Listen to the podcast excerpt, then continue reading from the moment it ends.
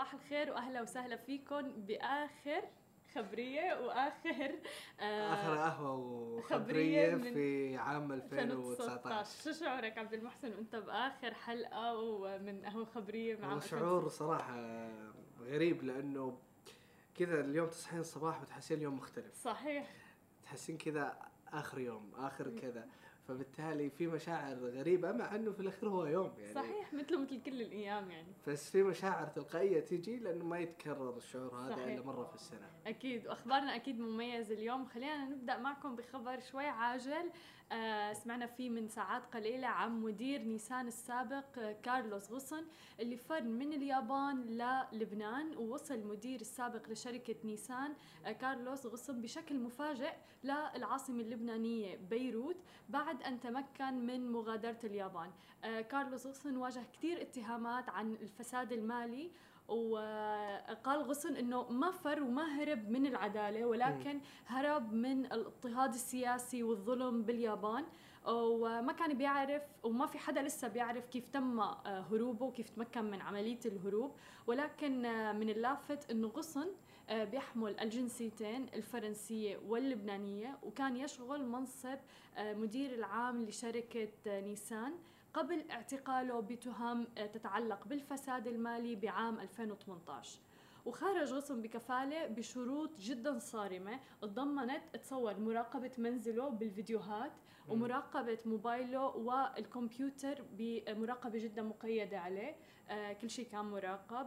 كما اضطر غصن إلى تسليم جوازه آه جوازات السفر كلها تبعه آه لأنه عنده جوازين إلى محامي. وكان عليه طلب إذن من المحكمة إذا قرر يغادر البلد أو منزله مو البلد حتى لأكثر من ليلتين. فكان في كتير ضوابط صارمة عليه. آه وهلأ مو متعارف ليش أصلا وكيف هرب من اليابان للبنان. يعني مع الضوابط هذه كلها قدر إنه يهرب. أنا هذا اللي كان لافتني يعني بصراحة بالموضوع. ف واساسا ملفت إنه شخص خلفيته عربية فرنسية يكون مدير شركة مثل نيسان في اليابان. تماما. ولكن للأسف يعني الخبر مش كثير سلبي مو صحيح صحيح. ولكن آه، خلينا نشوف شو يصير في هالموضوع لاحقا يعني. أكيد. الآن نروح لخبر إيجابي لأكبر ميزانية في تاريخ دبي. هالسنة تم اعتماد من قبل آه، حاكم دبي الشيخ محمد بن راشد المكتوم.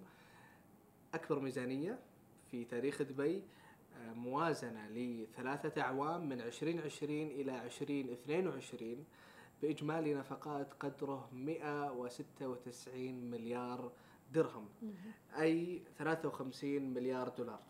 طبعا رقم كبير وحنا نعرف بأنه دبي قاعدة تحاول بشكل كبير أنها تعزز الاقتصاد الكلي في البلد. حنا على قرابة أن يكون في إكسبو 2020 في هذه السنة سنة أو في السنة الجديدة الآن في نوع القليلة القادمة. بالضبط.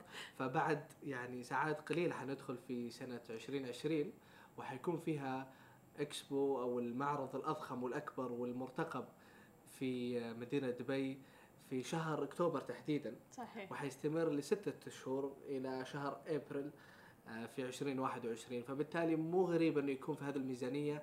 دبي قاعدة تحاول أن تستقطب استثمارات ضخمة. وقاعد تخطو خطوات كبيرة في خلال الفترة هذه. صحيح. آه الخبر جدا سعيد وفعلا غير مستغرب ابدا عن دولة الإمارات آه يعني هيك ميزانية ضخمة. بالضبط. آه إكسبو 2020 الحدث المنتظر اللي كلياتنا عم ننتظره وحتى الناس من خارج الدولة كمان عم ينتظروا.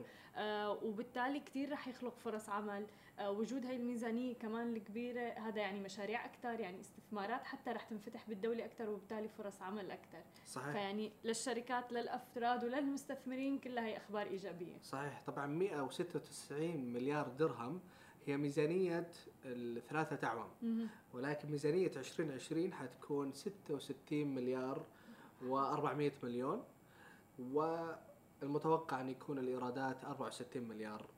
أي يعني أكثر من 2019 بنسبة 25% نسبة جدا عالية. بالضبط.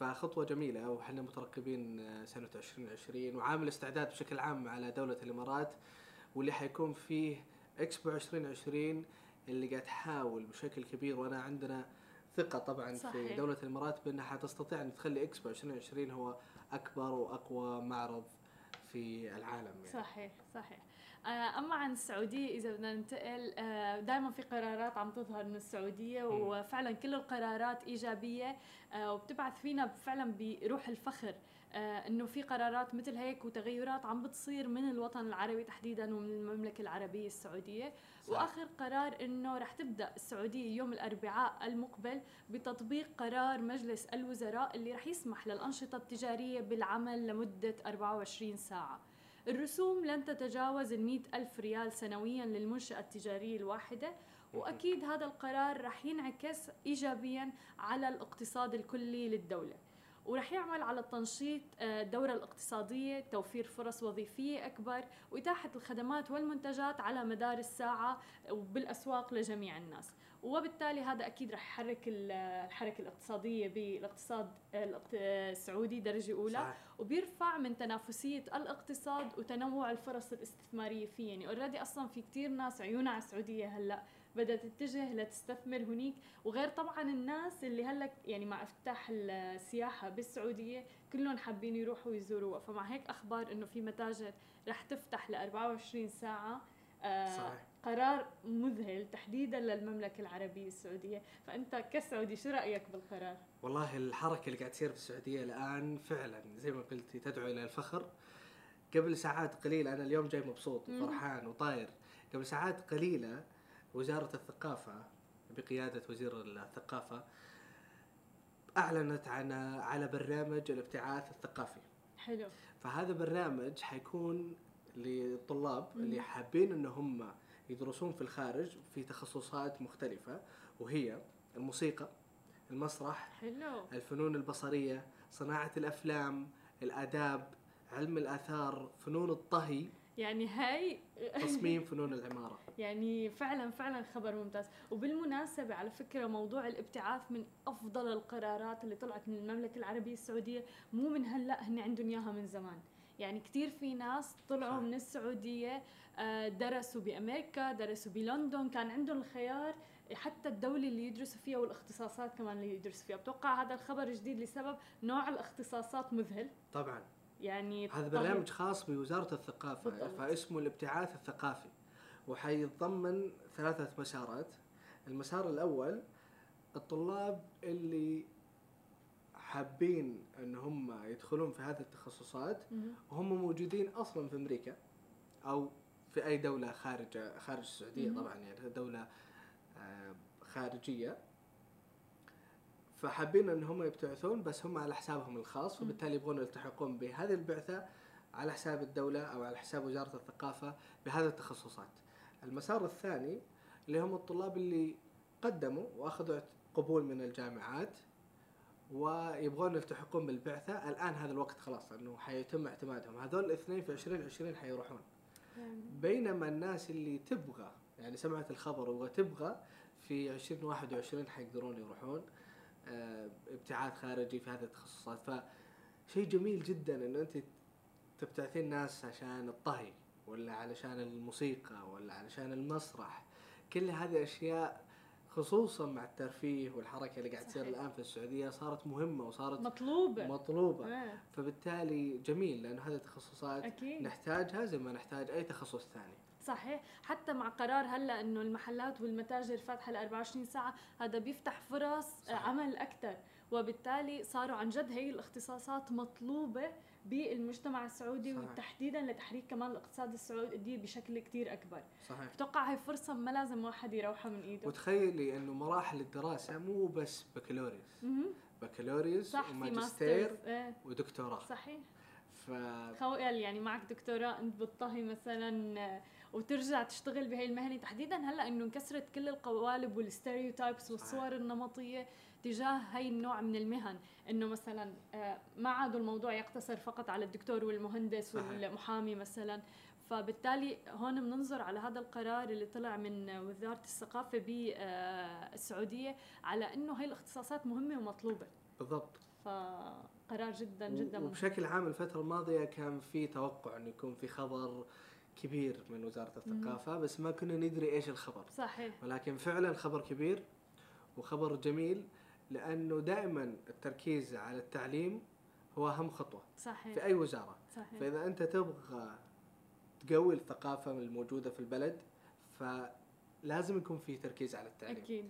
ففي أي قطاع بشكل عام كان ممكن إنه الواحد يسوي فعاليات وإيفنتات وإلى آخره بس ما يركز في إنه يطلع جيل جديد أكيد صح. قوي في هذه التخصصات. صحيح. فبالتالي خطوة مهمة وجميلة لهذه الوزارة الشابة اللي يعني أكيد ما بدأت إلا من فترة قصيرة خلال السنة هذه طبعاً. نعم طبعا الآن ننتقل إلى أيضا مهمة تاريخية أو إنجاز تاريخي ولكن لوكالة ناسا.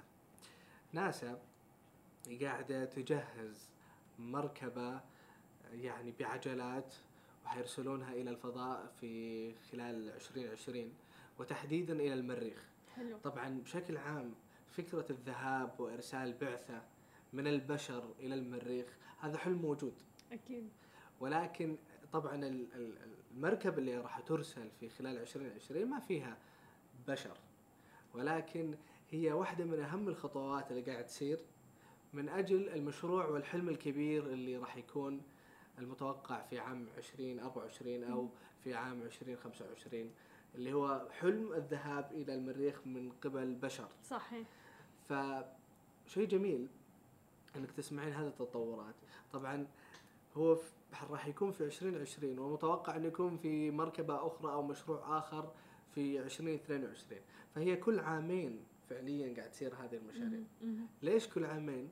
لأنه انت لازم تنتظرين لحظة معينة في زاوية معينة تكون ما بين المريخ والأرض. في هذه الفترة الرحلة ما بين الأرض والمريخ تستغرق سبع شهور. آه okay. سبع شهور. wow وهذه يعني أقصر فترة يعني ممتاز سبع شهور. بينما في لحظة أخرى حتكون أكثر بكثير.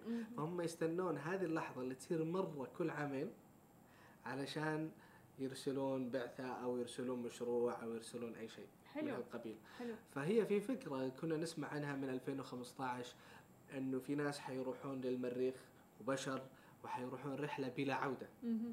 لأنه أنت يعني تفكرين بأنك أنت تودين بس بعد ترجعين هذه صح صح صحيح ففي تحديات كثيرة تحديات جوية مناخية تحديات إنه إحنا نتكلم على تحديدا آه، المركبة اللي راح تروح اللي اسمها مركبة المريخ 2020 مهم. ولكن اسمها الرسمي حيتم في آه، بداية السنة حيسمونها الاسم الرسمي آه، فعليا هي حتروح علشان تأخذ عينات من التربة. تقريبا 25 عينة لأن هم يبغون يسوون دراسات مكثفة في كيف نقدر نخلي في أكسجين متوفر في المريخ طبعا هو في أكسجين ولكن بنسبة ضئيله قليل جدا صحيح فهم يبغون يسوون دراسات كيف إنه يستفيدون من التربة كيف يحولون ثاني أكسيد الكربون مم. إلى مم. أكسجين فالمركبة هذه حتنطلق في جولاي جولاي جولاي 2020 2020 آه. بالضبط. وحتوصل في فبراير آه wow يعني أنا ما 2021 أتخيل عن جد إنه في ناس إنه سبع يعني بال... طبعا هذه الآن مركبة فقط وفيها أكيد، عجلات إيه. والحالها كذا بس بالمستقبل يعني ستيل حتى لما يكون بالضبط. فيها بشر رح تكون تستغرق سبع أشهر وفعليا في ناس قاعدة تتجهز لهذا المشروع أكيد. قاعدة تدرس لأن هم يبغون يودون ناس مسمينهم متطوعين امم حتى يعني مش يعني فقط رائد فضاء مم. متطوع لأنه هو مم. رايح لرحلة فعليا ممكن ما يرجع. مع... إيه، معروف شو صح ف يعني فعلا هي السبع شهور وفي السبع شهور هذه يعني لما تتكلم على بشر حتكون جدا صعبة يعني مو أكيد. سهلة أكيد ففي دراسات كبيرة وواسعه لهذا الحلم طبعا ليش المريخ؟ لأنه هي أقرب كوكب إلى الأرض الأرض صحيح وأكثر كوكب ممكن أنه يكون في حياة فهم رايحين يبغون يدورون هل في حياة هناك؟ هل كان في حياة سابقة من مليارين سنة مثلا؟ فطبعا أنت ممكن تقولين إنه يعني إيش بيلاقون هناك؟ ولكن مجرد إن هم يحصلون ميكروبات أو بكتيريا فهذه بحد ذاتها إنجاز كبير دليل إنجاز صحيح ودليل على إنه في حياة. والحياة ليست بشرط أن تكون إنسان أو بني آدم طبعا فبالتالي تطورات وكالة ناسا قاعد نسمعها بين فترة وأخرى وهذا مشروع جديد يعني تحديدا في يعني فبراير 2020 حيتم تركيب هذه الثلاثة أجزاء ولكن في جولاي 2020 حتنطلق. بعد سبع شهور في فبراير 2021 حتوصل. ويعني هذه تعتبر لحظة تاريخية مهمة في مشروع وكالة ناسا وفي الحلم الكبير في اكتشاف ما صحيح.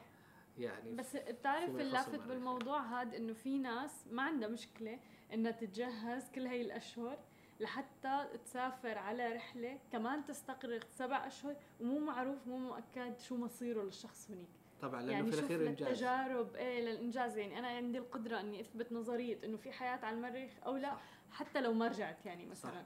لأنه أنت راح تجاوبين على أسئلة؟ طبعا أسئلة البشرية كلها. وحتكتشفين اكتشافات مهمة مجرد وصولك هناك.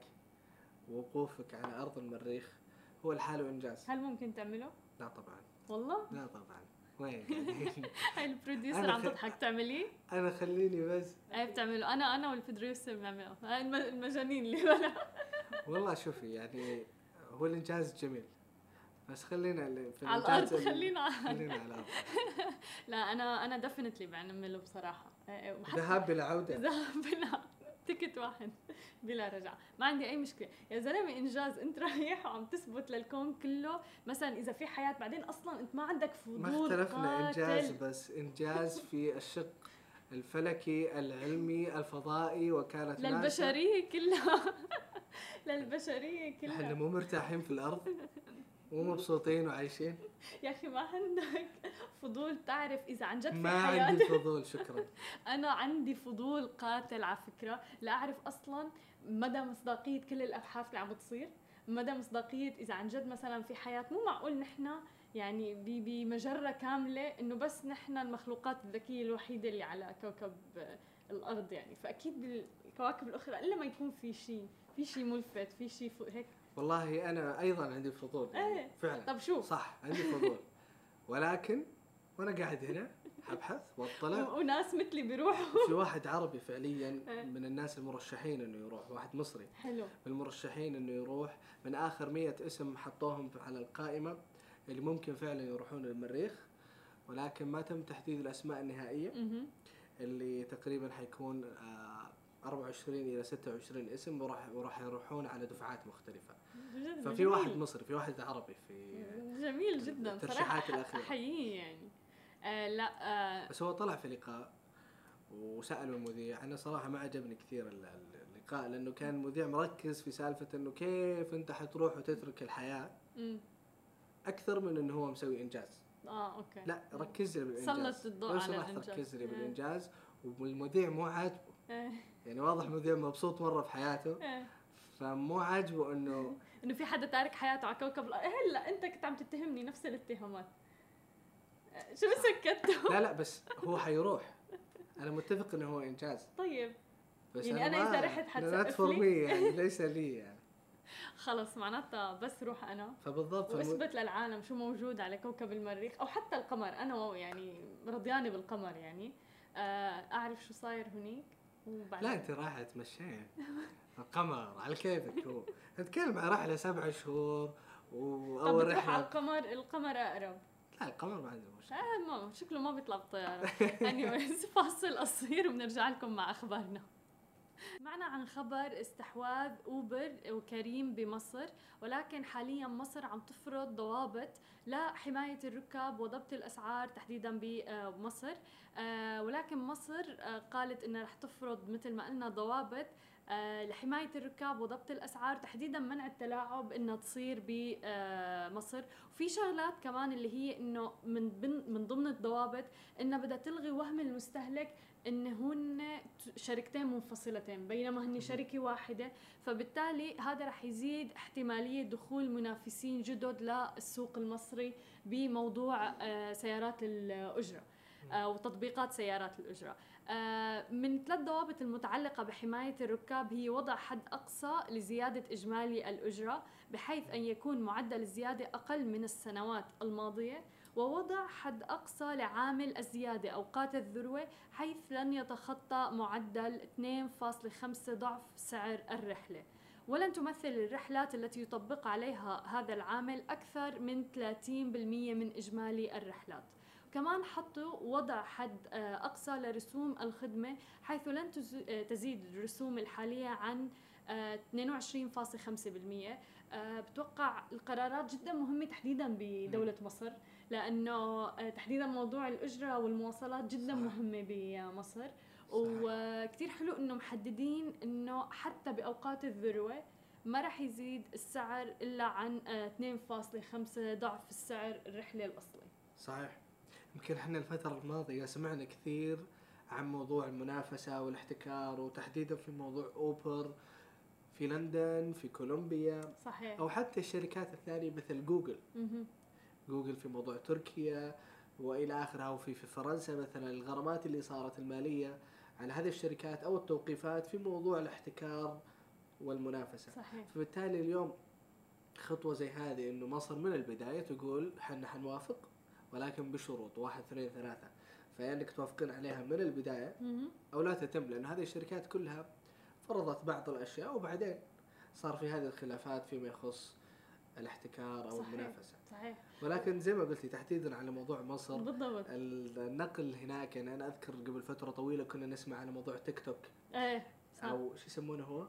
توك توك التوك توك. أنا خليته تيك توك شفت التطبيق قد إيه أخذ من عقلك بالضبط ففي كل الأحوال إنه عملية الضبط لهذه المركبة سوت بعض الأزمة في مصر. خصوصا إنه في كثير معتمدين عليها. فلما أنت تجبرينهم على ان هم يرخصونها و وتمنعينها فبشكل عام فكرة النقل في مصر مهمه حتى متعارف عليه موضوع الزحمة حتى والأزمة بشوارع مصر. فبتوقع كتير مهم يعني موضوع إنه حددوا آه، حتى إنه معدل ارتفاع السعر والرسوم اللي رح تكون موجودة مم. حتى عند استخدام سيارات الأجرة. لأنه كتير في ناس أنا سمعت أنه بتعاني من موضوع أنه شوارع زحمة و- وطبعا عدد سياح كمان كتير كبير فبالتالي آه، مهم كتير يعني هذا الموضوع تحديدا بمصر. صحيح. إحنا نتكلم على أنه في كثير من أفراد الشعب قائم على مصدر دخله على هذه طبعا المواصلات. طبعا لا شك لا شك. الآن ننتقل إلى هيئة الطيران المدني في المملكة العربية السعودية. وجهت شركات الطيران والطيران الخاص في أنه الجواز السعودي والجواز الأمريكي آه، ساري مفعوله حتى بعد انتهائه بستة شهور. حلو. فبالتالي اليوم في اتفاقية بين أمريكا والسعودية أنه إذا حتسافرين وباقي على جوازك يوم وينتهي معليش تسافرين. عندك لين ستة شهور جوازك قائم وساري مفعوله حتى بعد انتهائه. حلو. فخبر مدللين. يعني خبر آه، ملفت. وهذه اتفاقية يعني صارت بين البلدين وحيتم تطبيقها خلال الفترة القادمة. هذا قد إيه بيسهل عمليات السفر السياحة يعني أنت مانك مرتبط ابدا بهذا الموضوع صحيح. بينما الناس بتلاقيها كتير يعني متوترة حتى لو في وأنا حصلت معي يعني أنا كنت عم أقدم فيزا على بلد مم. آه كان نفس التاريخ يعني باقي ست شهور تماما. وبتخلص وبيخلص الجواز تبعي كانوا على وشك إنه ما يقبلوا الفيزا بالضبط فبالتالي أنتم بهالحالة هاي يعني كثير بهون عليكم الموضوع في. كثير ناس حرام تضطر إنها تجدد زوا- جوازاتها آه، قبل من لح... يعني تاريخ الانتهاء صح. لسبب إنه مقررين في عندهم خطط سفر أو حابين يسافروا صح وحنا نتكلم برضو على مبتعثين كثير في أمريكا السعودية. تماما. فبالتالي حيستفيدون من الموضوع هذا. في ناس ما ترجع إلين السعودية بس علشان تجز تجد- تجدد جوازها ثم تسافر مرة ثانية. صحيح. فبالتالي كثير من الأشياء اللي حتعود بالنفع في هذا الأمر وفي هذا القرار لأنه ال- ال- السعوديين اللي يروحون أمريكا كثير خصوصا المبتعثين وبالتالي أيضا الآن يعني متوقع إنه أيضا أمريكا تيجي يعني ممكن سياحة للسعوديه مع موسم الترفيه وموسم الرياض ليش لا؟ فبالتالي وف- وفي الأخير أكيد في عدد لا بأس به من صحيح. الجنسية الأمريكية في السعودية وهذه اتفاقية جميلة في كل الأحوال. طبعا. إنه اليوم لما أنت يبقى على جوازك فترة قصيرة ما نمنعك من السفر أو ما نمنعك من كثير من الشغلات لا. جوازك ساري مفعوله وعندك ست شهور حتى بعد انتهائه. كثير حلو. وبحب نوه كمان بصراحة بهذا الخبر على أهمية إنه أنتم تحت تجديد جوازكم آه حتى المبلغ كثير قليل. ما مبلغ كبير. صحيح. وإلكتروني. وإلكتروني فيك تعمله. في نظام إبشر. آه بالضبط. مانك مضطر إنك تروح أصلا بالضبط. آه وتجدده أنت قاعدة في البيت. تماما تماما. وال... وتفاجأت بالمبلغ. بصراحة مبلغ الرسوم لتجديد الجواز جوازات أخرى تانية ترتيبها عالميا كتير أقل من الجواز السعودي مم. ولكن مثلا المبلغ ورسوم التجديد جدا جدا عالية مم. آه، فبصراحة لفتني هذا الموضوع صحيح. فبحييهم يعني صحيح هو نظام أبشر بشكل عام هو ملفت لنا إحنا كسعوديين أصلا يعني فكرة إنه أنت كثير من الإجراءات المرورية اللي متعلقة بالأحوال المدنية وإلى آخره تقدرين تسوينها بنظام واحد. وتطبيق هو كمان. بالضبط. آه. فتخيلي إنه أصلا كيف انت تشتركين وكيف تاكدين على إنه انت آه، صاحبة الهوية هذه وكيف تسوين حساب في إبشر. مهم. تخيل إنه في جهاز حق إبشر كان موجود وإلى الآن في السوبر ماركتات الكبيرة. مهم. ومحطوط عند المدخل في جهاز بصمة. حلو. فتحطين جوازك معلوماتك وتبصمين كذا خلاص. صار عندك. حساب مم. بأبشر. فما يحتاج حتى تروحين لدائرة حكومية وتنتظرين. وتجلسين علشان تسوي البصمة. تحديدا موضوع الإجراءات الحكومية دا والمعاملات دائما بتكون إنه الواحد بيعتل هم لما بده. يروح يعملها. فأنا أعتقد أنه من أعظم الأشياء اللي مفترض أنه تقدمها لنا التقنية ونستغلها هي فكرة أنك تختصرين وقت الناس. صحيح. وأنك بدل ما تقعدين تجلسين وقت طويل في الانتظار وأنت ما في حاجة فعليا لهذا كله. أكيد. ممكن نختصرها بكبسة زر. ب... ب... وأنت قاعدة في البيت. تحديدا الحكومات هلا كلها متجهة بإنتاجية إلى- الناس. بالضبط بالضبط فعلا. آه، أما هلأ خلينا ننتقل معكم لأكبر خبر اليوم اللي هو آه، بآخر يوم من سنة 2019 الخبر المنتظر آه، إمارات عم تطرق أبواب جينيس 2020 بعروض الألعاب النارية. كلياتنا بنستنى الألعاب النارية وتستعد دولة الإمارات لاستقبال عام 2020 بعروض استثنائية للألعاب النارية اللي رح تضيء سمائها عند الساعة 12 ليلا. في حدث ينتظره مئات الملايين المتابعين من داخل الدولة وخارجها. وتتطلع الإمارات هذا العام إلى تسجيل أرقام جديدة في سجل جينيس للأرقام القياسية من خلال عروض الألعاب النارية. طبعا أجمل العروض اللي الناس بتنتظرها هي آه، برج خليفة. كل الناس بانتظاره أعمار برج خليفة آه، برج العرب آه، من أكثر الأماكن اللي الناس بتروح عليها وبتتجه عليها للألعاب النارية. كمان في عرض بينظمه مهرجان الشيخ زايد بأبو ظبي على مدى نصف ساعة مم. وعلى ارتفاعات تصل ل 180 متر بسماء الوثبة. آه، كلها ألعاب نارية بأشكالها وأنواعها وألوانها. آه، وفي عروض كمان بإمارة رأس الخيمة اللي بتشهد استخدام القذائف اليابانية الهوائية للمرة الأولى بالمنطقة. وكمان المتعارف عليه القرية العالمية خور دبي وال JBR. كل هاي الأماكن حتى دبي فستيفال سيتي آه، يعني بتوقع سماء مم. الإمارات كلها رح تضيء اليوم. آه، خبر كل الناس بانتظاره وكل الناس بتروح يا اما على هاي الأماكن أو صحيح. تحضرها من داخل الدولة أو خارجها آه، لتشوف العرض الأكبر. صحيح. فكلياتنا بانتظار فعلا هذا الخبر بس أهم شيء بحب نوهه إنه عن جد سلامة الجميع. آه، كل الناس تنتبه الطرقات بتصير زحمة. آه، فعلا شرطة دبي يعني آه، وشرطة دولة الإمارات بشكل عام يعني ما بيقصروا بهذا الموضوع. بنشوفهم فعلا على كل إشارة صحيح. موجودين. تنظيم كبير يكون في هذا اليوم. بالضبط. وفي شوارع تسكر تتقفل وتتسكر وفي مم. أوقات مختلفة ومعلن عنها. صحيح. فبالتالي مثلا منطقة البوليفارد اللي هي على. طول بجانب آه، دبي مول. وبرج خليفة. الساعة خمسة مثلا تقفل. كليا. ومعلن آه، آه. بعد الساعة خمسة ما يمديك تدخلها إلا إذا كان عندك access أو يعني بطاقة تسمح لك أو تصريح يسمح لك إنك أنت تدخل وتصريح هذا ممكن تأخذه من أحد المطاعم أو صحيح. إلى آخره اللي أنت حتروح لها بشكل مباشر. صحيح صحيح. كلها هذا كله للتنظيم يعني. بالضبط. أنا أذكر السنة الماضية شوي تأخرت على الساعة 5 وفي الأخير احتفالات الساعة 12 فمشيت من السيتي ووك وكان تجربة غريبة إنك تمشين في الشارع في نص الشارع للسيارات بشكل عام دائما تمشي فيه صحيح. إلى البوليفارد وكان الوضع طبيعي بس المشكلة إنه أنت منسقه مع كذا شخص وتنتظرينهم وكذا وقاعدين في الشارع واقفين.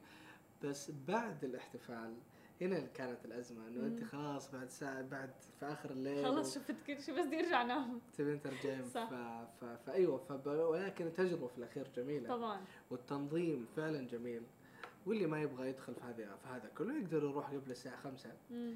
ولكن فعلا آه، التجربه كانت جميلة كانت ثلاث دقائق فقط. للأسف انها ثلاث دقائق. لأنه في آه، يعني أذكر في عام 2015 طولت صح صحيح. ولكن بعدها سووا اللي هو الليزر إيه إيه، دخلوا الأضواء. إيه أيوة. إيه إيه ورجعوا أيضا مرة ثانية الالعاب النارية ولكن الناس كلها بتحب. الألعاب النارية أنا أيضا صح؟ جربت التجربة في الماريه جزيرة الماريه في إيه. أبو ظبي مم، حلو كانت ربع ساعة تقريبا واو وكانت ربع ساعة بموسيقى يعني ألعاب نارية راقصة وكانت. داخلة في موسوعة جينيس هلأ آه بأبو ظبي رح تكون لمدة نصف ساعة فاللي بحب يطول بال نص- نصف ساعة. ساعة تماما على مدى نصف ساعة بارتفاع 180 متر فبالتالي اللي عاشق للألعاب النارية يعني بتوقع لازم يتجه على مهرجان الشيخ زايد بأبو ظبي ما راحت عليك فيك تروح واو. أنا بس- أشوفها وأنا بالطيارة يعني يعني راجع اليوم على كل بشكل عام العروض ال- اللي لها علاقة برأس السنة جميلة مهم. وملفتة وخصوصا هنا في دولة الإمارات مع هذه الأبراج الشاهقة صحيح بت... يعني تصير أجمل وأفضل لأنها أحيانا تنطلق من نفس البرج نفسه. هذا هو الملفت. يعني هي برج خليفة فعلا منه بتحس عم تطلع الألعاب النارية ففعلا جدا ملفت الموضوع. بالضبط. صحيح. الآن آه، نروح ال- خبرنا القادم. إيه. طيب شو مخبي لنا؟ إحنا الآن نتكلم على المشروع المشترك ما بين الشركة الصينية والشركة الروسية مهم. وتحديدا شركة آه، يعني آه، سوخوي. وطبعا معروف إنه أكبر اثنين في سوق الطيران هم بوينغ وإيرباص صحيح بوينغ أمريكية مهم. إيرباص أوروبية مهم. وهم اللي ماسكين السوق صح الآن في تعاون جميل قاعد يصير ما بين روسيا وما بين الصين وروسيا تحديدا شركة سوخوي للطائرات المدنية. وسووا شيء اسمه CR 929 أوكي. هذه طيارة موجودة ومستخدمة ولكن الفكرة أنه حيبتكرون بالتعاون مع بعض أيضا طيارة أخرى مهم. وحتكون بطائر أو بطيار واحد. ف وبيكون برة قيادة تستوعب طي- طيار واحد. وأيضا فيها آه، طيران إلكتروني أوكي. وذاتي. فبالتالي يقدر الطيار آه، يعني يتمشى في الطيارة يسوي الأشياء اللي يبغى يسويها ما يحتاج إنه طول الوقت. بس يعني كيف طيار واحد؟ طيار واحد حت... حت... حتختزل حيحذفون الطيارة الثانية. لأنه دائما بالعاده بيكون في اثنين. هي في اثنين. إيه. هالمرة لا الطيار الثاني هو الطيران الذاتي. okay. ما راح يكون في طيارين فعليا. طيب جميل. ولكن هذا المشروع لسه مطول. حيقعد لين 2025 وهو برنامج آه، قاعدين يضخون في مبالغ ضخمة. مهم. آه، يعني تقريبا إحنا نتكلم على أكثر من 15 مليار okay. فأرقام كبيرة والطيارة تستوعب إلى 300 شخص. آه يعني العدد كبير. أيوه. لا لا مو private إيه يعني أنا عم بستنى يقول لي إنه مثلا private أو لا لا لا, لا طيارة وهذا المشروع موجود. حلو. مشروع موجود من أول ولكن كان في بعض المخاوف يمكن في كيف ممكن يقنعون هيئات الطيران في. مشروع زي كذا. يعني مو بس طيار واحد فكرة إنه طيارة بلا طيار.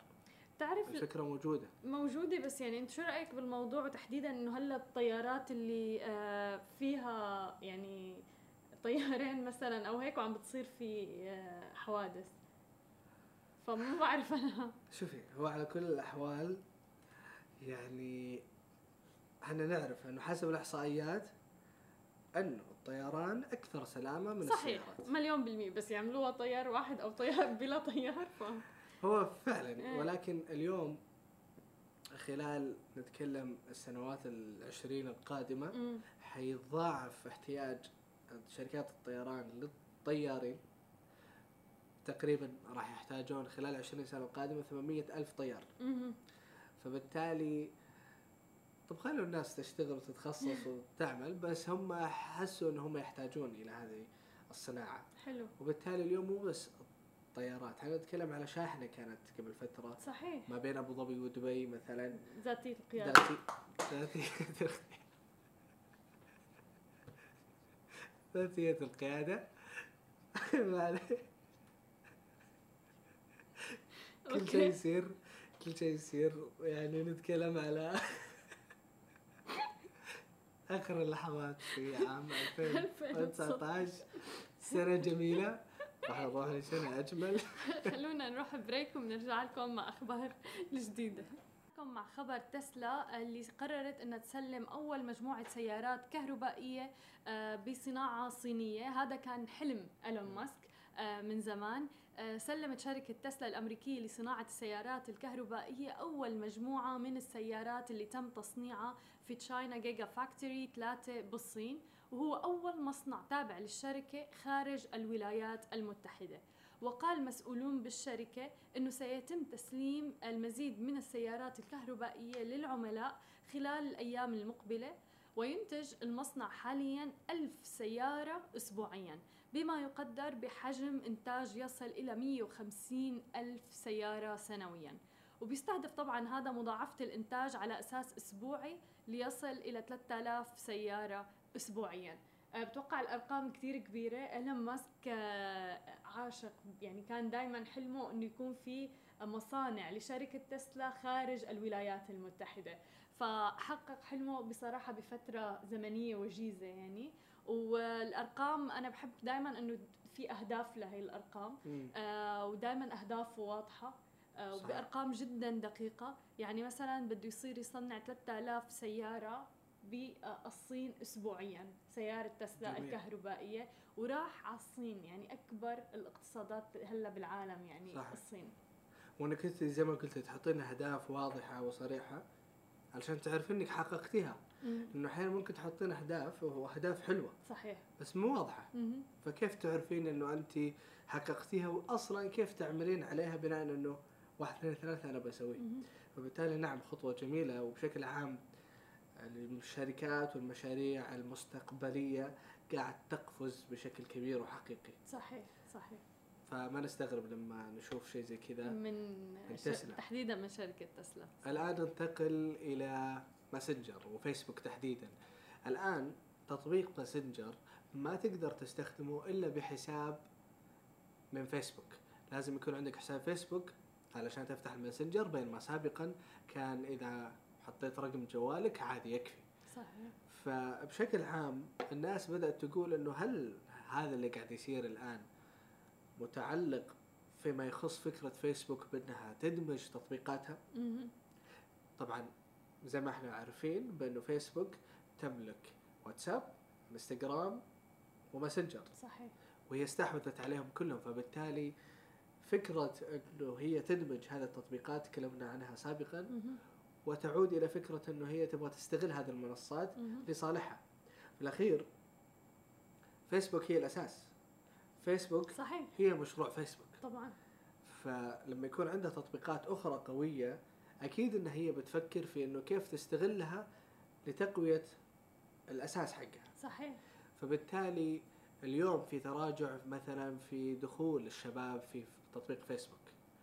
فالدمج هذا يعود بالنفع على فيسبوك في فكرة أنه استقطاب آه، حسابات جديدة ودخول جديد من الشباب. أيضا في فكرة الإعلان أنه ممكن أنت تعلنين من مكان واحد على جميع التطبيقات هذه. صحيح. ففكرة قاعد أفكر فيها كثير فيسبوك وموضوع أنه ماسنجر الآن ما تقدرين تستخدمينه إلا بحساب فيسبوك. يعتبر مؤشر لهذه لهذا المشروع اللي قاعد تفكر فيه بشكل حقيقي فيسبوك وهن يعني معظم التطبيقات اللي استحوذت عليها فيسبوك يعني من أقوى التطبيقات أصلا على منصات التواصل الاجتماعي بشكل عام يعني كل الناس عندها انستغرام كل الناس عندها واتساب كل الناس م. عندها الفيسبوك وكل الناس حتى اللي عندها فيسبوك بتستخدم الفيسبوك ماسنجر كمان م. فبالتالي آه، بتوقع خطوة إنه تربطهم كلهم بتطبيق واحد يعني آه، خطة مشروعة وممكن تصير على أرض الواقع وتفيد كثير من المستخدمين. صحيح. بس تخيلي لو مثلا صار الموضوع هذا في الواتساب. واتساب عدد المشتركين فيه أكبر بكثير. صحيح. والناس اللي مشتركة في واتساب ما تبي تسوي حساب. إيه لا ابدا. تبي تحط رقمها وتسولف مع الناس بناء على أرقام فقط. وموضوع بسيط وسريع وسهل صح. وسلس وحتى الإنسان البسيط اللي ما يعرف شو اسمه تقنية عنده واتساب ويعرف واتساب صحيح مليون فبالتالي فيسبوك يجب أن تدرس هذا المشروع مم. قبل اتخاذ أي قرار يمكن ماسنجر شوية نخبوي مقارنة في الواتساب ولكن بطبيعة الحال يجب أن تدرس هذا المشروع كثيرا. أكيد. ولكن يعني ما يعني ما بعرف ما بستغرب عن فيسبوك ابدا مثل هيك آه، قرارات ولكن فعلا دائما قراراتها مدروسة مم. حتى بنشوف إنه هلأ آه، إذا بتنتبه غيروا كل ال- مواقع التواصل الاجتماعي اللي هي مستحوذة عليها صار مكتوب تحتها فروم فيسبوك. فكلها هي مؤشرات يعني إنه هذا التطبيق لنا هذا التطبيق فممكن عن جد إنهم يجمعوا صح. بتطبيق واحد صح فيسبوك باللون الأخضر آه، واتساب.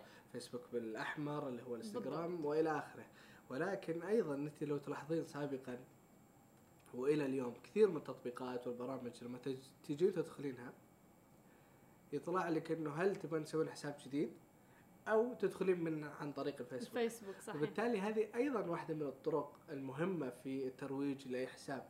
إنه أنت لما عندك فيسبوك خلاص أمورك طيبة طبعا. تقدرين تدخلين أي مكان أي. شيء صح صحيح. أيضا جيميل صحيح في صحيح كثير من الأوقات يكون الخيار متاح للجيميل فالفكرة آه، جيدة في فكرة إنه أنت لما يكون عندك منصة فلا تحتاجين غيرها يعني. صحيح صحيح.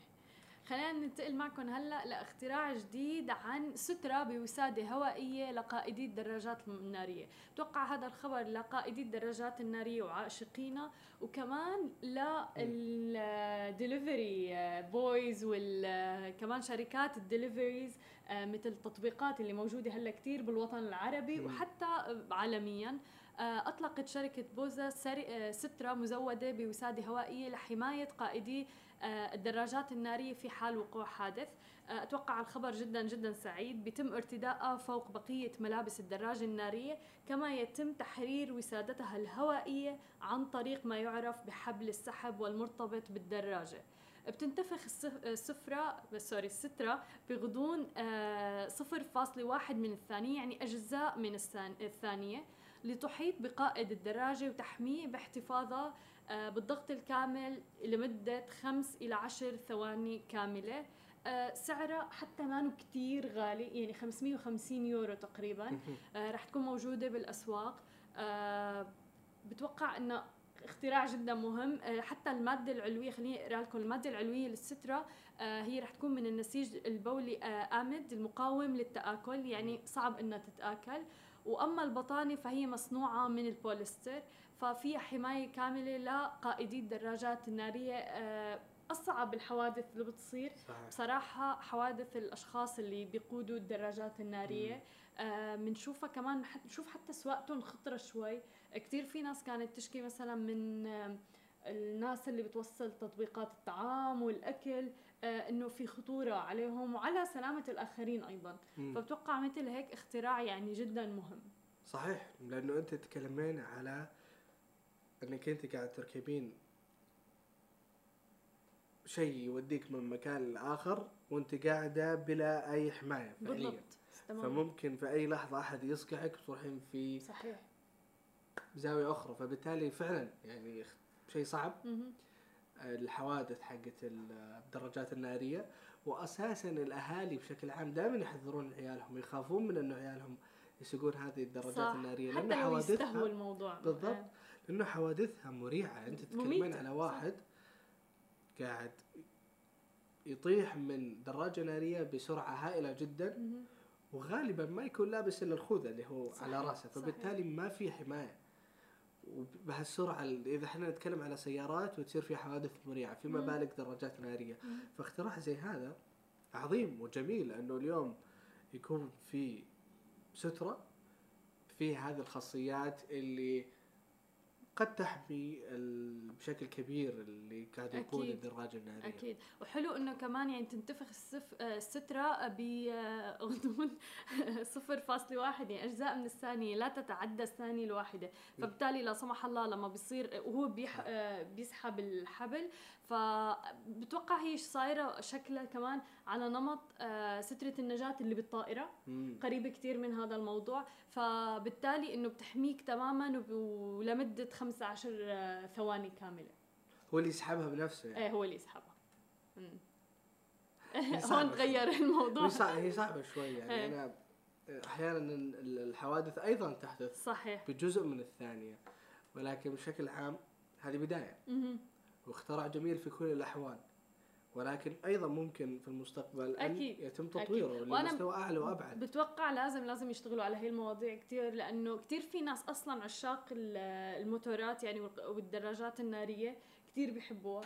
ولكن مثل ما أنت أهل- قلت أهلهم بيمنعون إنهم يقودوها. صحيح. آه في كتير ناس مهنتهم تتطلب منهم إنه يقودوا الدراجات النارية آه سواء كان ديليفري أو غيره. صحيح. فبالتالي بتوقع موضوع كتير مهم إنه يشتغلوا عن جد على اختراعات مثل هيك لحمايتهم وحماية الأفراد حتى الآخرين كمان. صحيح آه خلينا نروح ل break قصير وبنرجع لكم مع فقرة أرقام وحقائق واليوم موضوعنا عن الادخار تحديدا سبيشلي إن إحنا فايتين هلأ بعام جديد فلازم. الأهداف تكون واضحة وتحديدا الأهداف المالية ورجعنا مع أحلى فقرة بالبرنامج فقرة أرقام وحقائق. آه واليوم بدنا نحكي عن الادخار. الادخار وحنتكلم عن ثقافة الادخار تحديدا. صحيح. لأنه ثقافة الادخار أو الادخار هل هو شيء فعلا موجود بين الناس؟ هل هو يطبق؟ هل أصلا الفكرة قائمة في عقولنا ولا أنه خلاص اللي عندنا حنصرفه إلى نهاية الشهر؟ أهم شيء نعيش إلى نهاية الشهر. صحيح. فبالتالي موضوعنا هو ثقافة مو بس نقطة معينة. على كل أنا بشاركك في البداية بإحصائية بما أنه اسم الفقرة أرقام حقائق وأرقام تخيلي بأنه 78% من النساء.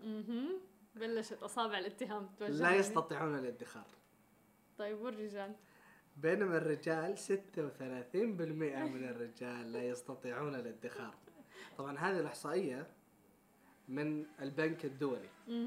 فمش يعني ألفتها طب قبل شوية شو السبب؟ السبب أنا من وجهة نظري. بأنه بشكل عام الرجل في كثير من الأحوال يكون هو اللي عنده دور المسؤولية المسؤولية مم. وأيضا ممكن في بعض الأوقات يكون الأشياء اللي هو يحتاج إنه هو يصرف عليها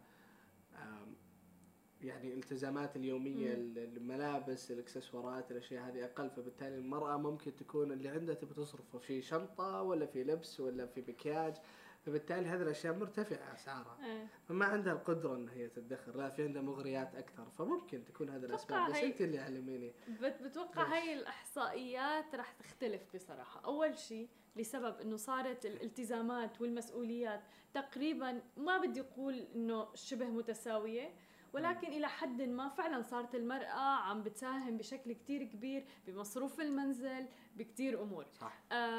آم، للأمانة مثال حي okay؟ هلأ طبعا هي الموضوع نسبة وتناسب okay؟ آم، مثلا أنا أمي بتعرف ت save كتير مصاري بابا ما بيعرف ي save. ابدا. بتوقع هو الموضوع له علاقة بالبيئة اللي الشخص ربيان فيها بالأمور اللي مر فيها هي ثقافة ادخار. بس ولكن أنا برأيي ثقافة الادخار أصلا معدومة بمجتمعنا العربي تحديدا. صحيح. وبالعالم صراحة. وفي الأخير متعة الادخار ممكن تكون أكبر من متعة الإنفاق. يعني في ناس طبعا بس متعتها مانا لحظية فمشان هيك الناس ما بيعملوها لأنه لما أنت بتدخر. مو بنفس اللحظة بتحس بمعنى وقيمة هذا الادخار ولكن لما بتصرف أنت بلحظتها بتحس إنه أنا اشتريت شيء جديد بالضبط آه. فهو بشكل عام دائما ينصح بأنه الحد الأدنى من الادخار يكون 12% مهم. من راتبك صحيح طبعا كل ما زاد كل ما كان أفضل وكل ما دل على أنه أنت عندك قدرة واحتم... لل... للقدرة مالية أنك أنت تتحمل. لأنه أنت لما تستقطعين مبلغ من راتبك معناته عندك القدرة والاحتمال أنك أنت تستنين وما تستخدمين المبلغ هذا. حلو. كل ما زاد هذه القدرة موجودة عندك أكبر. فالحد الأدنى مهم. المهم في هذا الموضوع كله الحد الأدنى 12% طيب أنت ممكن تدخر؟ هل عندك القدرة على الادخار؟ طبعا لأنه في الأخير طبعا أسباب الادخار. تتفاوت من شخص لآخر. في شخص يدخر علشان على قولتهم اليوم الأسود. مهم. يعني لو صار شيء ويحتاج مبلغ الآن فبالتالي لازم أنت أنت تدخر. هذا يعني ابسط شيء. الاحتمالات أيوة. أيوه. ولكن بشكل عام أيوه لأنه كثير من الأشياء اللي الواحد يسويها في حياته والمشاريع اللي هو مقبل عليها لو ما ادخر ما يقدر يسويها بكل بساطة. طبعا. فأنت ما تعملين وت- و- وت- وتكسبين مبلغ أو راتب بس علشان تعيشين اليوم. في شوية تفكير مستقبلي إنه أنا لازم أدخر علشان بكرة ممكن أحتاج المبلغ لأي سبب كان حلو طيب آه ليش برأيك الناس ما بتدخر ما عندها القدرة إنها تدخر النسب عم بتورجينا إنه بشكل عام حتى في عندنا نسبة إنه الأسر السعودية غير قادرة على الادخار، نسبة الادخار عندهم جدا جدا ضئيلة. وبشكل عام فليش؟ مغري مغري إنك أنت عندك فلوس تبي تصرفينها. فكرة إنه أنا أخليها بخليها بس بعد شوي أول ما أحتاجها برجع أخذها. فبالتالي فكرة إنه أنا مصر ومصمم والفلوس هذه اللي عندي ما راح أستخدمها بس هي موجودة بس ما راح أستخدمها صعبة.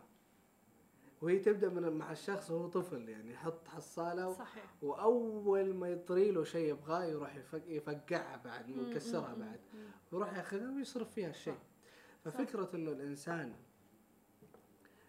أنا بالنسبة لي أهم نقطة في موضوع الادخار قبل ما تشتري أي شيء فكر أعطيه وقت. لأنه أحيانا أو قبل ما تصرف فلوسك فكر لأنه أحيانا يكون في بالنا شيء فعليا ما نحتاجه. بس الآن نحس إنه نبغاه أو نبغى نسويه. فنروح ناخذ الفلوس هذه ونستخدمها فيها. ولكن في لحظة أخرى يجي شيء حقيقي نحتاجه بس ما عندنا فلوس. صحيح. على طاري هذا الشيء أنا في عندي قاعدة دائما بتبعها واللي هي قاعدة 30 يوم. مم. يعني رحت شفت شيء بالمول أو أي شيء عجبني آه ما بشتري فورا أوكي؟ بروح بترك بنام على الموضوع 30 يوم. ويا أخي مو 30 يوم في ناس رح تقول لك إنه 30 يوم ممكن القطعة تروح. مم. أسبوع أو أسبوعين. وأسبوع حتى كافي okay؟ إنه الواحد صح. ما يروح يشتري فورا.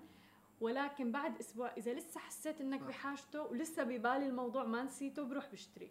صح. إذا مو ببالي فمعناتها أنا ابدا ماني بحاجته فما بشتري هي ابدا ممكن تعتمد على حسب الشيء اللي أنت تبغينه. فلما يكون لبس ممكن إنه صعب تخلينها فترة طويلة.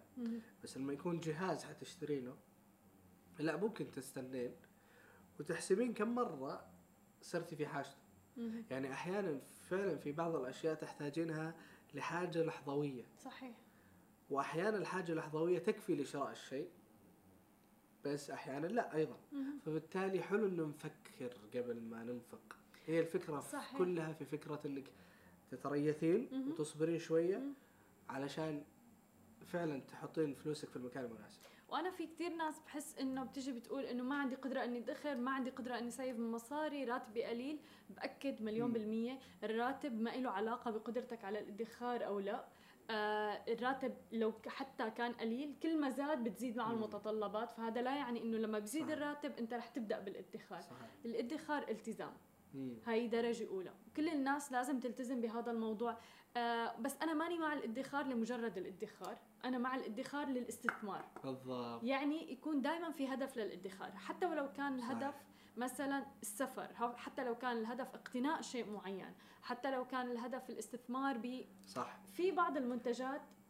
منتجات لما أنت بتصرف عليها بتكون عم تستثمر. ليش؟ يعني مثلا هذا اللابتوب أنا عم بشتغل عليه ومصدر دخلي بيجي منه فبالتالي هذا استثمار بالنسبة لي. صح. السيارة لما بكون أنا عم بوصل أمور أو عم توصلني لشغلي بطريق بوقت سريع مم. استثمار بالنسبة لي. ولكن حذاء مثلا أو شنطة ليست باستثمار. صح. بس بنشوف كثير ناس والظاهرة المتعارف عليها حاليا الناس اللي بتقول ما عندي قدرة أني أدخر هي الناس اللي بتلاقيها طالعة كل أيام الأسبوع عم تصرف بكل أيام الأسبوع بطلعات وبال weekend okay؟ غير مثلا موضوع الحفلات غير موضوع السهرات غير موضوع إنه لازم في براند جديدة موجودة أو ثياب جديدة. على أي أساس بدكم تدخروا إذا عم بتعاملوا الكماليات أقل من الكماليات على صح. إنهم أساسيات هذه عليها خمسة خطوط حمراء إنه الادخار مو للكماليات للأساسيات بالضبط. والأشياء اللي تعتبر أولويات ومليون برضو خط على فكرة أولويات لأنه الناس أولوياتها مو دائما صح لا ابدا بالعكس كثير عم بيصير يعني يخربطوا بين الموضوعين بالضبط إيه. فأنك أنت زي ما قلت تحطين فلوسك في كنز وتخلينها كذا شو الفائده؟ هي فكرة إنك تحركينها.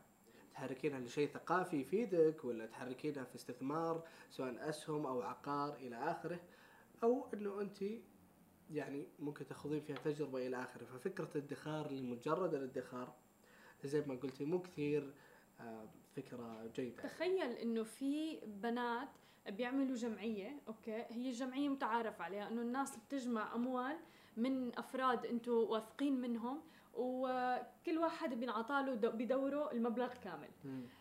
في ناس بتعمل جمعية okay؟ وصارت okay؟ آه ليشتروا حقيبة ب brand معينة والأسوأ من هاد كله أوكي؟ إنه بحطوا بيحجزوا كل وحدة إمتى بدها تاخذ الشنطة. مم. يعني إذا أنت عندك مناسبة أو عرس معين أو زفاف فأنت بتحجز هاي الشنطة لأنك تحملها بهذا اليوم.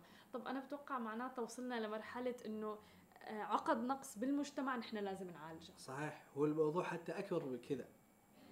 يعني تخيلي إنه حتى اللي يقعد طول حياته يجمع مبلغ ويدخر ويحوش فلوس بس علشان يتزوج. في ناس تعتبر حتى هذا السبب على عظمته على كبره إنه سبب يعني يدعو إلى أنه المفروض يكون الموضوع أبسط من كذا. صحيح. أنه مو تدخرين طول حياتك بس علشان عشان تتزوج يعني. ليلة. إيه، بالضبط. بالضبط. فبالتالي يعني حتى أنا قرأتها في أحد الكتب بأنه من أسباب التخلف في أي مجتمع انه يكون الادخار حق الشخص في حياته كلها بس علشان يتزوج. ففكرة أو ثقافة الادخار فعلا ما هي بسيطة. فإحنا لازم نعرف بأنه ليش إحنا قاعدين ندخر وكيف ندخر. صحيح. وهذه توديني لمنطقة جميلة إنه طيب أنا بأدخر شلون؟ ما أقدر. في حيل وفي طرق الواحد ممكن يسويها مهم. ومن خلالها يدخر. حلو. بس أيضا الحيل والطرق هذه ما في شيء اسمه سحر. إنه أنا بعلمك الطريقة وبتطبقها وبكرة بتصير غني. لا هو أنت لازم تطبق أكيد. لازم يكون في التزام وإرادة من. الداخل. بس هي حيل. حيل وطرق جميلة. نبدأ هي ثمانية. أها حلو. طرق. مم. وثمانية حيل. الأولى الادخار البنكي. مهم. هذه معروفة وأنا أميل لها شخصيا جميلة أنا أشوفها. أنه باختصار تقتطع مبلغ من راتبك من خلال البنك. هم بشكل عام سيستم معين يشيل يقتطع من راتبك كل شهر مبلغ ويحطه في حساب آخر. حلو. وفي نوعين حتى من الاقتطاع هذا. في اقتطاع يكون من خلال انه والله اذا أنا بستخدم الراتب هذا اللي أنا مقتطعه واللي حاطه في حساب آخر انه ما أقدر استخدمه إلا بعد 48 ساعة إذا أبغى. وفي لا انك انت تقدرين توصلي له. فدائما يفضل انك تسوين طريقة 48 ساعة هذه. وتشبه فكرة ال 30 يوم صحيح انه حتى لو تبغين توصلي له الحساب هذا ما تقدرين. توصلي له بلحظته بلحظته فعندك 48 ساعة تراجعين أفكارك وتراجعين إنه لا أنا غلط ما ينفع لأنه أحيانا الواحد يسوي أشياء في لحظة. وبعدين يتحسف عليها. صح. إنه ليش؟ فأول طريقة. أول حيلة اللي هو الاقتطاع البنكي. وهذه جميلة يعني شيء مسستم. وممكن أنا أميل للمنطق ولل system يعني أكثر من إنه يعني الأشياء الثانية. حلو. الحيلة الثانية والطريقة الثانية اللي هي الادخار التدريجي. okay لأنه إحنا لما قلنا إنه الحد الأدنى هو 12% مو كل الناس فجأة تقدر إن هي تدخر 12% مباشرة 12% لأنه. عندها مصاريف كثيرة. وكانت تصرف بطريقة معينة ما تقدر إنه فجأة مم. والله 12% من راتبي ما راح أستخدمه لا مم. بستخدمه مم. فأبدأ من 1% 2% 3% 4% إلين توصل ل 12% وأكثر حتى مم. فهذا اسمه الادخار التدريجي تدريجي النوع الثالث اللي هو الادخار البطيء. أوكي. الادخار البطيء يشبه فكرة الحصالة اللي تكلمنا. عنها. مم. إنه كل يوم تحطين مبلغ بسيط بس كل يوم. يعني في حتى التزام إيه. بالضبط يعني حتى لو تحطين 10 20 50 60 ترى هذا ممكن تكون مو منطقية لبعض الناس. صحيح. بس في ناس هذا هذا الطريقة اللي تناسبهم. إيه. إنه يبغى كل يوم يحط مبلغ صغير يحس إنه ما خسر شيء. بس على المستوى البعيد مع الالتزام في مبلغ حيروح على جنب. النوع الرابع هو الادخار العائلي okay وخصوصا اللي توه متوظف يلجأ له في كثير من الأوقات إنه في مبلغ قاعد يقت- يقتطعه ويعطيه مو البنك أبوه أخوه مهم. أمه هذا الادخار العائلي. وفي ناس أعرفها كذا يكون الأب شاد عليه وإنه أنت لازم تدخر وراك مستقبل. وفي كثير من الأوقات إنه خلاص أنت حتدخر غصبا عنك فبالتالي يصير في هذا ال control حلو. هو يكون موافق بطبيعة okay. الحال بس الأب يكون عنده هذا ال- يعني عم يدفع ابنه لحتى إنه يدخر غصبا عنه. بالضبط هذا اسمه الادخار العائلي. okay. النوع الخامس الادخار الإجباري. هو غريب شوي. فهو هذه الفكرة اللي أنت قلتيها اللي هو الدخول في جمعية. أوكي.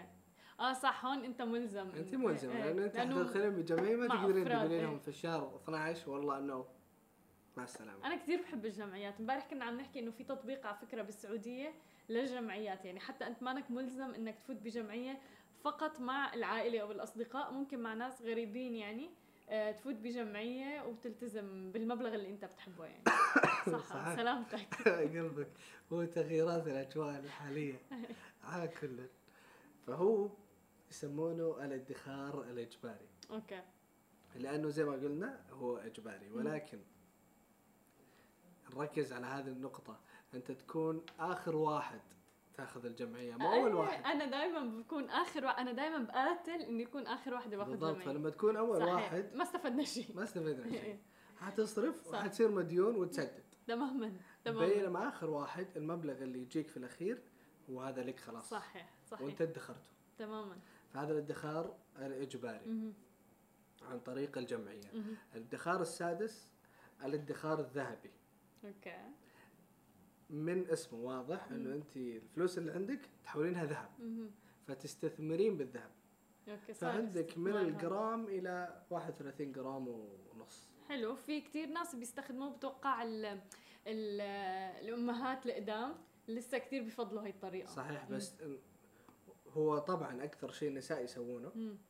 وجميل واستثمار بالذهب ولكن ينصح دائما بسبائك الذهب. طبعا مو المشغول. إيه أكيد. لأنه هذا قيمته بتروح لما بدك تبيعه. أكيد أكيد.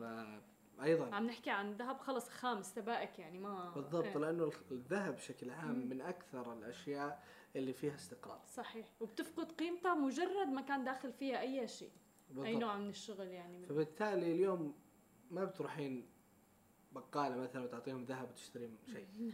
فدائما يعني لبعض الناس الادخار بالذهب ويمكن مو شائعة إلا عند النساء أكثر بس هي حلوة. يعني ممكن الواحد أكيد يسويها. أكيد. انه بكل بساطة يحول فلوس الذهب. يلا فهمني كيف تصرفها.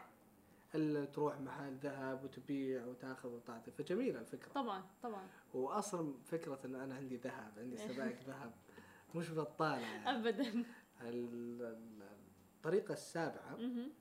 هي الادخار بالعملات. آه يكون معك عملات مستقرة لازم تكون.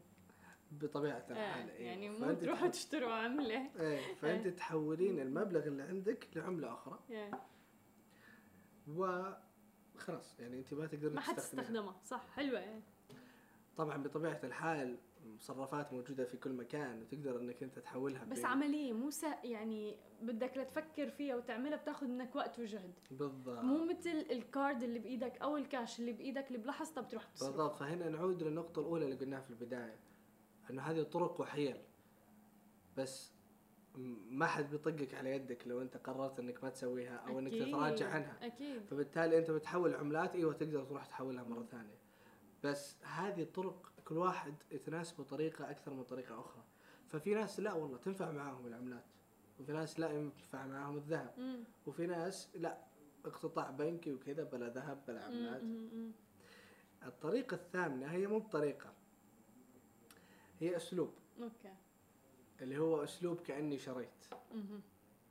أنا بكل بساطة لا يعني لا تشتري وتدخر و- وجمع فلوسك وانتهينا. ف هاي طريقة. هي مو بطريقة بس هي أسلوب. أوكي. ويسمونه أكثر يعني حتى يصنفونه كأنجح طريقة للادخار. والله؟ أن لا تشتري. بس يعني هو الأسلوب صار عندي فضول أقرأ. إنه كاني شريت إنه ما أشتري إيه. شيء تصدق إنه أنا هذا أكثر اسلوب عجبني؟ والله عن جد لا شيل المزح. هذا أكثر أسلوب عجبني هذا على فكرة. هذا يخلينا نرجع إيه. لفكرة 30 يوم اللي أنت تناسبك صح. اللي أنت تعجبك. صحيح.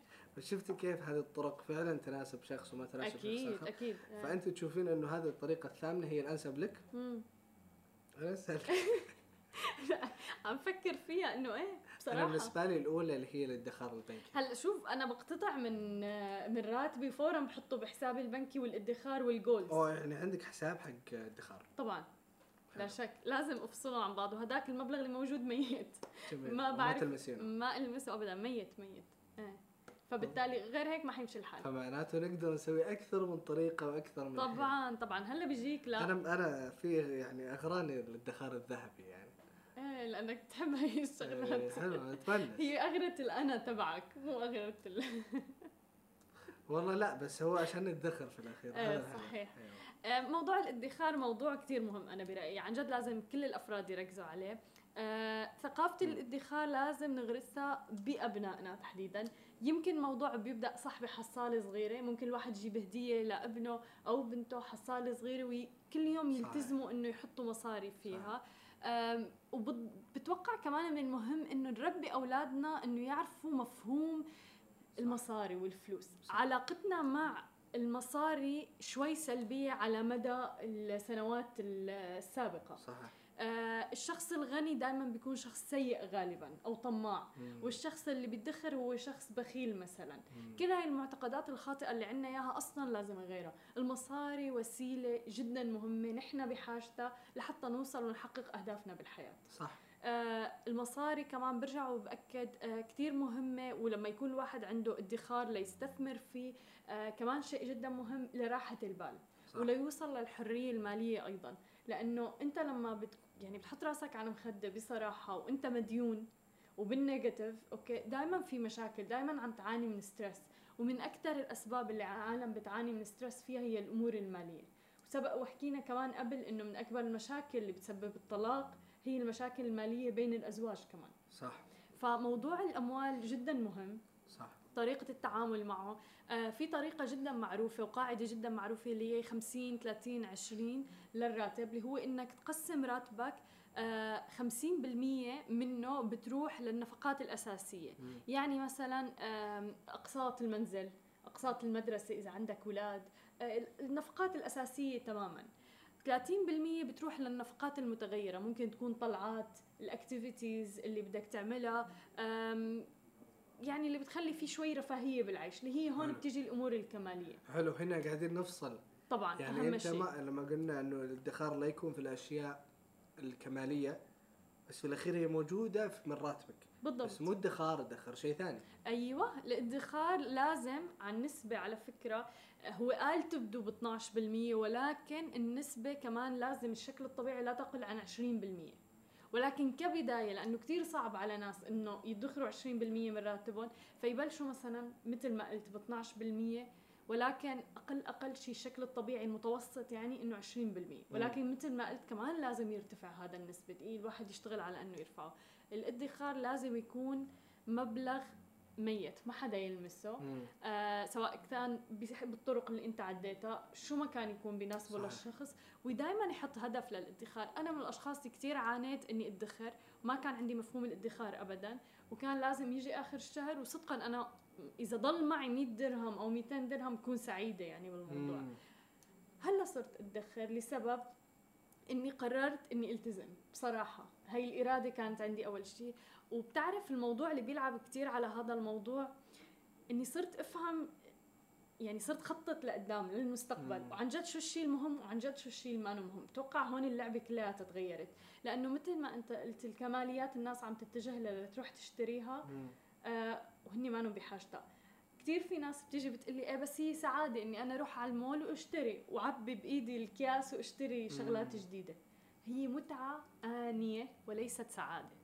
متعة آنية وليست سعادة. أنا لما أروح على المول وأشتري إنت شوف حالك بس ترجع على البيت أو تاني يوم. هل بعدك مبسوط؟ هل بتحس برضا من الداخل؟ لا. مم. لأنه هاي القطعة ما رح تضيف لي شيء لذاتي كهالة كعبد المحسن كفرد بالمجتمع اطلاقا. مم. ولكن هون بتوقع المفاهيم الخاطئة اللي موجودة عندنا بمجتمعاتنا ولأنه نحن كمان عندنا. بننجر حول عواطفنا. وبطبيعه الحال ممكن إنه الإنسان يكون عنده بعض الأشياء اللي يحب يسويها. أكيد. واللي تميزه عن شخص آخر ويستمتع لما يسويها وحتى لو كانت متعة لحظية. ولكن في المقابل اللي قاعدين نحاول نقوله بأنه الادخار شيء ولازم يكون موجود. صحيح. والصرف والأشياء اللي الطبيعيه اللي تسويها كل يوم شيء آخر. هذه مو المفروض تدخل على حساب هذه. لا ابدا ابدا ابدا ابدا. ولما بلشت أدخر مع هدف دائما دائما بكون إيه ملتزمة بالادخار يعني. مثلا إذا بقول إنه بالشهر الفلاني أنا بدي أسافر فلازم أدخر هذا المبلغ من المال أنا عندي القدرة إني أعمله. إذا بدي أدخر هذا المبلغ من المال و please موضوع إنه راتبي ما بكفي بعصرنا الحالي هذه الحجة غير مقبولة بتاتا لأنه حتى لو الراتب الأساسي كان غير كافي في كتير طرق ومصادر للدخل أخرى عبر الإنترنت عبر كتير أمور. يعني هلأ على الإنترنت أنت ممكن تقدم خدمات لكتير أفراد. ترجمة كتابة. شو شو السكيلز اللي عندك فيك تبدع فيها وتبيعها لافراد آخرين تساعدهم فيها ويكون عندك مصدر دخل مم. بالنسبة لإلك. وممكن هذا مصدر الدخل اللي عم. يجيك الإضافي مباشرة تمسكه وتاخده وتحطه. عشان كذا نعود إلى المهارات وفكرة إنه الإنسان اليوم للأسف أنا أسمي في حالة إنه أنت تخرجين من المدرسة وما عندك مهارات أنا أسميها إنه إحنا نتخرج سادة إي والله ما عندنا يعني إلا صحيح. الشهادة اللي صح. طلعنا منها للأسف فأنا أتمنى بشكل عام انه الإنسان يركز في فكرة إنه هو يكون عنده مهارات إنه ما يتخرج إنسان سادة. فأعطيك مثال على واحد كان معنا في المدرسة ومثال فعلا ملفت كان أبوه تخيل يعطيه مبلغ عشان يدخل فيه بالأسهم. واو والمبلغ هذا إنه حق الأسهم فقط. وجرب وطقطق. واللي حتجنيه هو لك للجامعة للمستقبل. ففكرة إنه هو صغير قاعد يدرب هو مستثمر. من هو صغير؟ فهذا له كبر. وحتى مو كبر كثير يعني لا صار في ال 25 ولا في ال 30 إنسان فاهم وعارف شيء اسمه أسهم ويقدر يدخل فيها ويقدر يطلع أموال منها. وأموال حقيقية فبالتالي هو تأسس من هو صغير دور على شيء اسمه. أسهم. بالضبط. والأسهم اليوم في هذا العصر مهمة وعلشان توصلين للحرية المالية لن تستطيعن أن توصلين لها إلا بالاستثمار اللي هو أسهم أو عقار أو إلى آخره. طب إذا أنا ما أعرف أصلا وش الأسهم؟ ما بعرف شو يعني استثمار إذا عم نحكي ادخار الناس ما عندهم قدرة يدخروا ليستثمروا. بالضبط. فكل هاي المفاهيم يعني ليش أنا دائما بحكي إنه بي أنت دخلت بهذا الموضوع اللي هو المدارس الجامعات بالضبط. لازم انها تدرس بالضبط. الإدارة المالية. فهو كل ما قاعدين نتطور وكل ما قاعدين ننضج وكل ما قاعدين يعني نتحسن ونتقدم قاعد تزيد المسؤوليات. طبعا. المسؤوليات على الشخص نفسه صحيح. على الأسرة صحيح. والتربية وعلى المدرسة وإلى آخره. فبالتالي إحنا لازم نتطور مع التقدم الزمني والتقدم المعلومات حقتنا.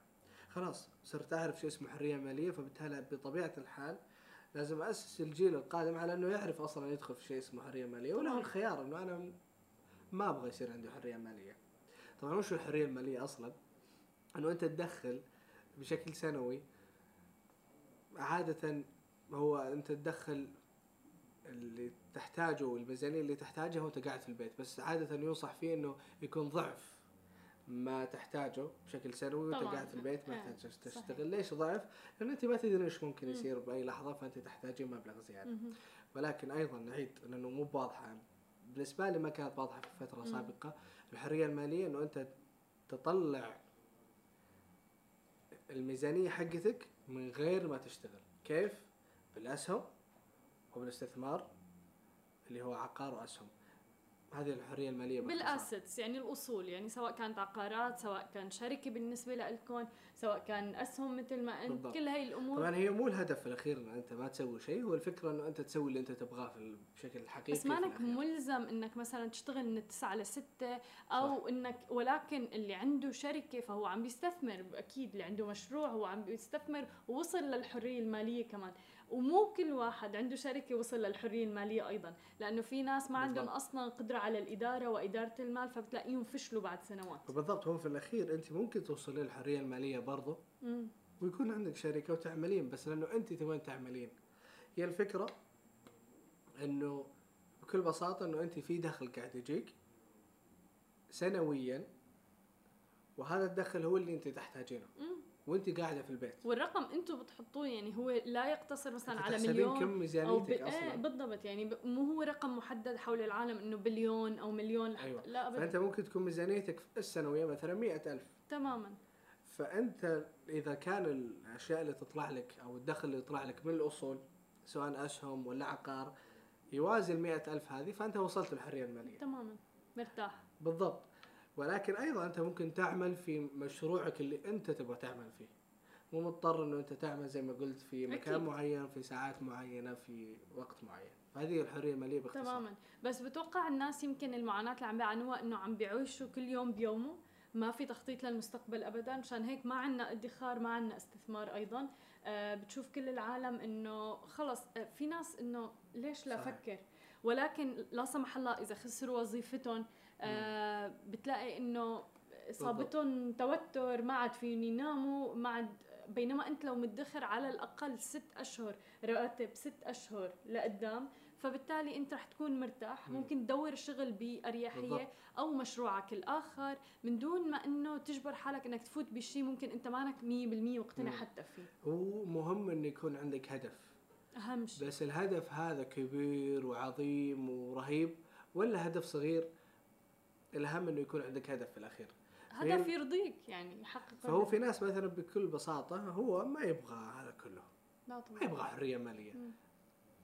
أوكي. مين ما بده حرية مالية؟ في ناس بكل بساطة تبغى يكون عندها عمل ووظيفة ويتزوج ويصير عنده أسرة صغيرة ويقعد في بيت صغير. في ناس كذا. إيه بس إنه يعني هلأ ما في ناس. تبحث عن الاستقرار ترى.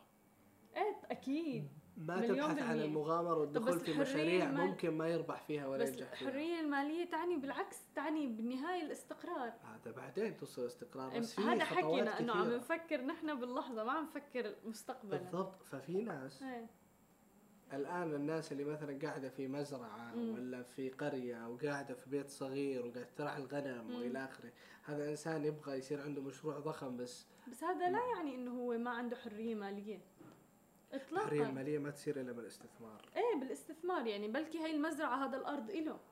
بس إذا هو إله هو يعمل فيها؟ إيه. ليست ليست حرية مالية. هلأ إذا أنت عندك شركة مثلا وعم تعمل فيها أنت رب هي الشركة ال- ال- إذا أنت تعملين فيها إيه. وهي تحت اسمك وأنت تعملين فيها هي لا لا تدخل في الحرية المالية. لا هلا أنت بيل رجل أعمال. لا لا هلا وعندك بيل فلوس كثيرة. إيه إيه، لا هي حرية مالية. بيل جيتس هلا مشان ما يكون مفهوم خطأ. بيل جيتس آه، حقق الحرية المالية. مم. ولكن بيل جيتس عنده الشركات تبعه وبيشتغل فيها هو. وبيروح وبيداوم. هذا هذا يعني إنه حقق الحرية المالية. ولكن الحرية المالية هي الفكرة إنه هو ما ملزم. حدا ماسكه من إيده لازمه إنه يكون من الساعة 9 للساعة 6 موجود كل يوم.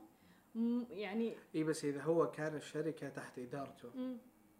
وهو قاعد يعمل فيها وإذا ما كان موجود فالشركة غير ف- فمعناته هو ملزم في, الأخير. أكيد ملزم. فهذا الشيء اللي أنا بدي أوصله. لما حتى لو أنت الحرية المالية إيه. من الاستثمار مثلا ومن الأصول الموجودة عندك ومن أسهمك إلى آخره ولكن في نفس نفس الوقت أنت قاعد تطلعين فلوس من ال business حقك.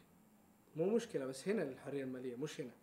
أنا بتوقع لا هي بتشمل كل شيء. حتى الأسهم أنت لما بتكون عم تشارك بالأسهم okay ومستثمر فيها آه أنت ما عم تتابع الموضوع. مالك ملزم إنه كل شوي ت check على الأسهم طلعت أو نزلت أو هيك. هي استثمار فأنت مخك دائما شغال فيها. غير الأسهم خلينا نقول عندك عقار okay؟ ما بدك تأجره لهذا العقار ما بدك تتاكد إنه المستأجرين اللي عندك مبسوطين طوال الوقت وإلا حيطلعوا من الأجار من العقار تبعك والعقار تبعك صفر يعني ما ما ما حيدخل لك مصاري مم. أوكي؟ بس على كل إنه بطبيعة الحال مم. في ناس عندها أهداف بسيطة في الأخير في الحياة. أكيد. وبشكل عام الأهداف البسيطة ليست مشكلة إنه يكون عندك هدف بسيط. طبعا. ولكن المهم إنه يكون عندك هدف. فهذه. الفكرة إنه عندك هدف. تماما. بينما في ناس لا تبغى توصل لمشاريع ضخمة. و...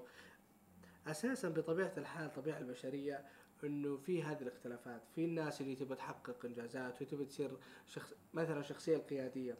3% من الناس في العالم اللي عندهم الشخصيه القيادية. لو كلنا نبغى نصير في الشخصية هذه أو كلنا نبغى ناكل آه، مثلا لحوم بالتالي ما بيبقى لنا لحوم لا لا مو صح حلو هو بشكل. عام. التجانس مم. هذا مم. موجود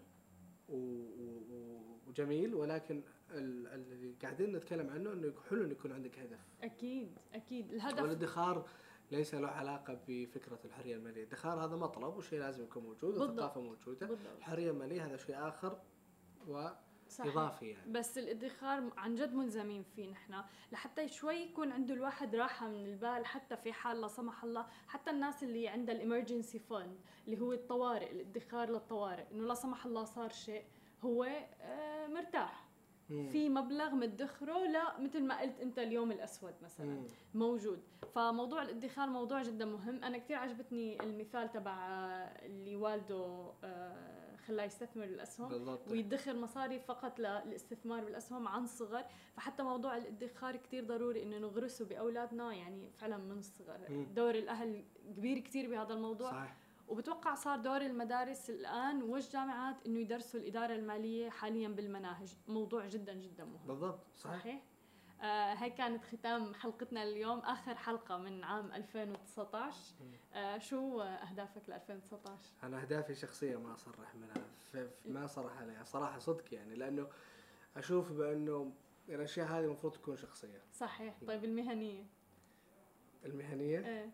والله أيضا أشوفها شو شو عم بتضغط علي لا لا كل الأهداف بالنسبة لي ترى حتى في كثير من. الأشخاص الخبراء قالوا أنه أهدافك لا لا تقولها لأنه صح. أنت بمجرد ما أحد قال لك صح عليك ممتاز في نوع من الراحة النفسية حتشعر فيه فحتحس إنه أنت حققت الهدف ما في. داعي إني أشتغل عليه.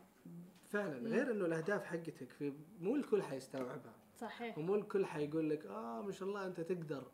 بس أنت تدري إنه أنت تقدر. أكيد. ففي ناس مثلا بتشوف إنه إيش الأحلام اليقظه هذه. فبالتالي بشكل عام الأهداف شخصيا أشوفها وبشكل عام هل- يعني في أهداف قصيرة المدى وأهداف قص... بعيدة برافو. هذا أهم شيء. هل بيفرق معك إنه فعلا أنت داخل بعام جديد أو لا. لا. هو العام الجديد فرصة امم لوضع الأهداف. ويوم الميلاد يعني يومك أنت يومك يوم إيه ميلادك إيه صحيح. فرصة لمراجعة حياتك بشكل عام. صحيح.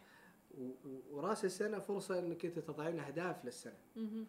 ولكن في الأخير أنت عندك أهدافك اللي دائما موجودة. أكيد سواء لازم على المدى القصير بالضبط. وهذه مهمة واللي هذا المدى القصير هي اللي راح تؤدي إلى المدى البعيد. لازم وحلو إنها تكون ملموسة يعني. بالضبط انه تكونوا حتى محددة ب timeline معين بوقت معين. بالضبط. آه بتوقع كمان المشاهدين لازم أهدافهم السنة الجاية إنه تكون إنه خلص يبدأوا بالادخار. مم. بدءا من الآن تحديدا انه نحن هلأ بآخر الشهر فموضوع كتير كتير مهم. أنت آه، تصرحين لنا عن أهدافك ولا؟ أنا؟ ما هي؟ أنا لا. طيب إذا متفقين. ولكن أيضا متفقين على فكرة أنه سنة 2020 ادخار ثم الادخار ثم الادخار. أكيد.